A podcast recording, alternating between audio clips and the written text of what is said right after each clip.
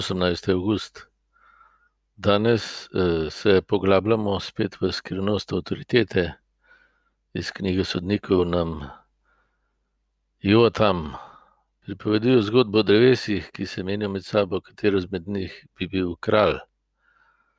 Vidimo, kako zlahka v prvi polovici življenja precenjujemo eh, sposobnosti človeških ustanov in vodstva in vodenja.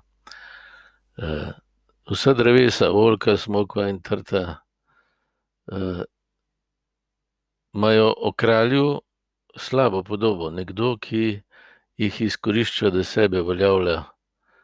Pravi nekdo, ki avtoriteto sebično uporablja za svoje ozke interese in gospoduje.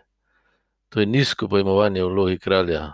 No, ta drevesa iz Evangelija v priliki izražajo prav to, nobeno noče kraljevati, vsako se dobro zaveda svojih darov in svoje obdarjenosti in noče biti vladar nad drugimi, zato ker potem ne bi mogel živeti svoje, svojega daru, svoje identitete.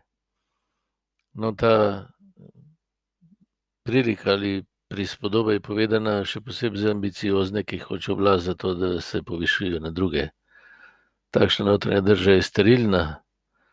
Kaj ti noben vladar, če nima ljudi, ki ustvarjajo delo, ne more voditi ničesar.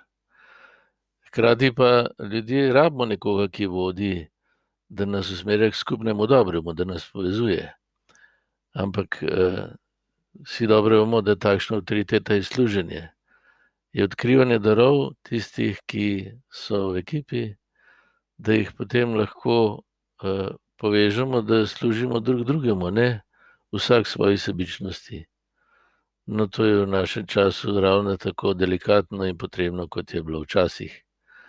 Uh, Jezus pa omogoča in je dal tudi zgled, pa pokazal, pa daje moč, kako živeti svojo avtoriteto kot uh, služenje, ne kot samo napihovanje in uveljavljanje svojih omejenih in umrljivih ambicij.